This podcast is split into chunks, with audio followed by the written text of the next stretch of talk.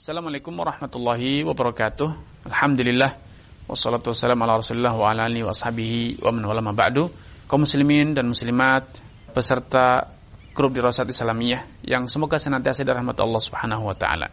Kita akan lebih dalam dan lebih jauh mengetahui bagaimana dan seperti apa kriteria seorang yang sah atau boleh menjadi wali dan boleh menjadi saksi. Syarat kedua, wal bulu. Syaratnya adalah yang menjadi wali itu orang yang balik. Karena wali itu adalah atau tanggung jawab seorang wali itu adalah menikahkan. Menikahkan siapa? Menikahkan wanita tersebut.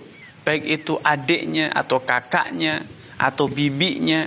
Sehingga secara hukum orang yang masih kecil belum balik walaupun dia cerdas, walaupun dia sudah pandai berbicara, pandai bernegosiasi dan macam-macam, secara hukum syariat dia belum memiliki kecakapan hukum untuk melakukan satu tindakan. Alih-alih bertindak atas nama orang lain untuk kepentingan orang lain, untuk kepentingan dirinya sendiri saja tidak. Untuk mengatur dan membelanjakan hartanya sendiri saja, anak yang masih kecil itu belum dianggap cakap hukum untuk melakukan tindakan pada hartanya apalagi bertindak atas nama orang lain alias mewakili atau bertindak memanage, mengatur, mengendalikan orang lain tentu tidak mungkin ya. Secara logika syariat, secara logika hukum Islam itu tidak mungkin terjadi.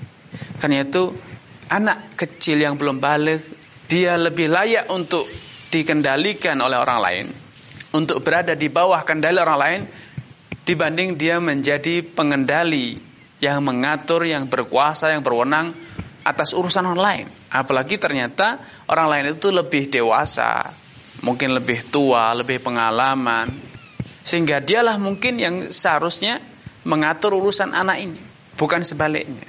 Ini syarat kedua dan ini sepakat para ulama. Karena Rasulullah SAW telah bersabda, Rufi al-qalam an thalath. Pena pencatat amalan itu diangkat dari tiga kelompok orang alias apa pun yang dilakukan oleh ketiga kelompok orang ini amalannya belum dicatat.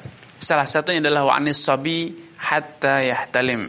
Anak kecil sampai dia balik bermimpi basah. Sehingga tindakan anak tersebut yang belum balik belum dicatat sebagai dosa, belum dicatat sebagai pelanggaran. Sebagaimana tindakannya itu belum dianggap sebagai suatu tindakan yang dapat menggugurkan kewajiban. Sehingga kalau ada anak kecil yang menunaikan ibadah haji, kemudian dia mencapai umur balik, dewasa, maka dia wajib mengulang atau wajib menunaikan ibadah haji. Kewajiban beribadah haji atas anak tersebut belum gugur dengan haji yang dia tunaikan ketika dia masih kecil. Walaupun dia dapat pahala, tetapi ibadah yang dilakukan itu tidak sampai menggugurkan kewajiban yang harus ditunaikan oleh setiap orang muslim. Walillahi 'alan nasi maiti. Allah itu punya hak atas semua orang agar mereka itu menunaikan haji. Kewajiban berhaji ini belum bisa digugurkan dengan ibadah haji yang dijalankan semasa dia belum balik. Baik, selanjutnya wal aqlu. Syarat ketiga dia itu orang yang berakal sehat. Ya karena pernikahan itu adalah suatu tindakan hukum yang memiliki konsekuensi yang berat, konsekuensi yang besar. Dengan demikian dibutuhkan kesadaran bukan sekedar pemahaman, kesadaran akan konsekuensi yang akan terjadi dengan tindakan tersebut. Sedangkan orang yang mengalami gangguan mental, cacat mental, gila atau sinting kata orang misalnya, tingkat kesadaran nalarnya itu rendah, cacat mental, maka dia tidak akan mampu memahami konsekuensi dari akad yang akan dia jalin. Bisa jadi dia menggambarkan bahwa pernikahan itu seperti bermain bola, bisa bermain kelereng. Eh, karena memang nalarnya dia mengalami gangguan.